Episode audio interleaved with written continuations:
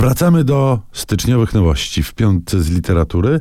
I znowu będziemy się poruszać przez chwilę w rejonie Europy Środkowo-Wschodniej. No, tak, bo ja widzę, że ty w styczniu jesteś muzycznym Szymon nastroju, ja takim bardziej środkowoeuropejskim e, ewidentnie, bo przeczytałem sobie... Każdy próbuje sobie radzić z melancholią zimowo-styczniową na swój sposób. Tak, różne są metody, więc melancholijnie e, można się wprowadzić jeszcze głębiej w taki nastrój, czytając powieść Antonina Bajaja, czy też Bajei, powinienem go odmienić pewnie, nad piękną, modrą drzewnicą. To jest czeska, czeski pisarz i czeska powieść.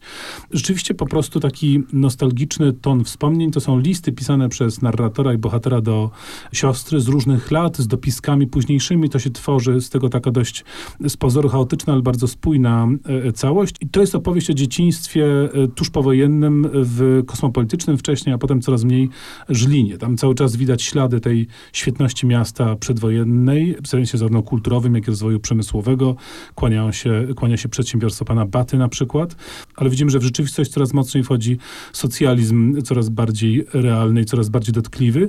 Więc mamy z jednej strony nostalgiczny ton tęsknoty, jak jednak trochę demaskatorski, e, demaskatorskie obnażenie e, historycznych procesów tu się dziejących. Dla polskiego czytelnika to książka absolutnie zrozumiała i myślę, że bardzo, bardzo atrakcyjna. Podobnie z książką kolejną, muzyczną, drugą muzyczną, którą ja przyniosłem do dzisiejszych nowości, bo jednak w karnawale staramy się wszyscy tańczyć. Załatw publikę i spadaj w poszukiwaniu Jamesa Browna. Na Amery... James Brown skacze i to tak dość wysoko powiedziałbym. Tak. Poszukiwaniu Jamesa Browna, amerykańskiej duszy i muzyki soul brzmi podtytuł. Książka napisana przez pana, który nazywa się James McBride. Znamy i już, znamy go dzięki e, powieści, która się ukazała w Polsce m, mm, parę lat temu, o ile dobrze pamiętam. Natomiast ten pan jest przede wszystkim muzykiem. O muzyce też pisał sporo. Co istotne w tym kontekście, jest on e, pół murzynem, pół Żydem.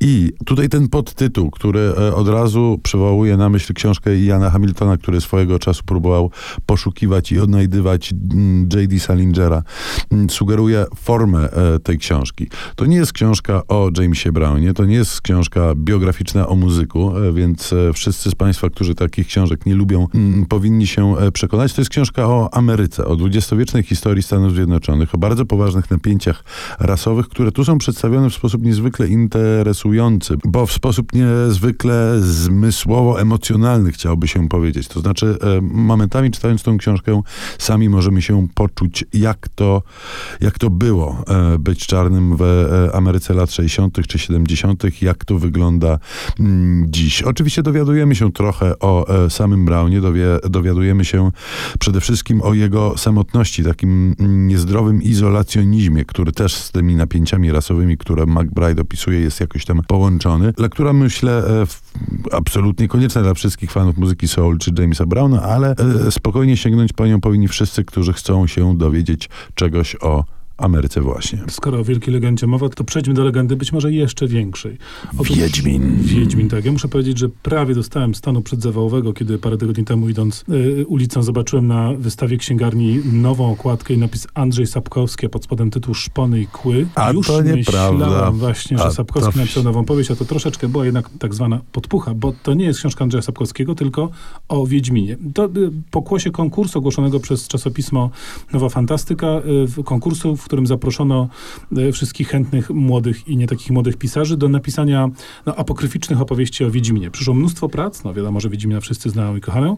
11 z tych prac zostało wydanych w tej książce, w tym ta, która od, otrzymała e, Grand Prix konkursu, czyli Piotra Jedlińskiego Kres Cudów.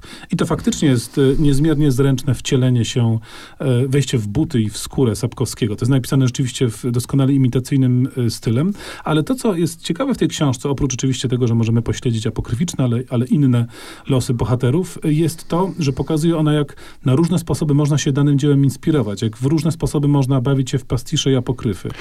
Ale powiedziawszy to, ja mam wrażenie, że to jest publikacja taka trochę jak to Tarantula, czyli dla bardzo konkretnego czytelnika, no bo jednak ludzie, którzy Wiedźmina nie mają za sobą i sagi wiedźmińskiej nie przyswoili, będą się bawić e, w trakcie lektury znacznie mniej. Znacznie mniej, tak. To rzeczywiście jest raczej dla fanów. Pozostając w klimacie około wiedźminowskim, w klimacie jak najbardziej fantastycznym, gra o tron i muzyka do tego wspaniałego serialu. A i tam wspaniałego Wiedźmin jest wspaniały. No dobrze.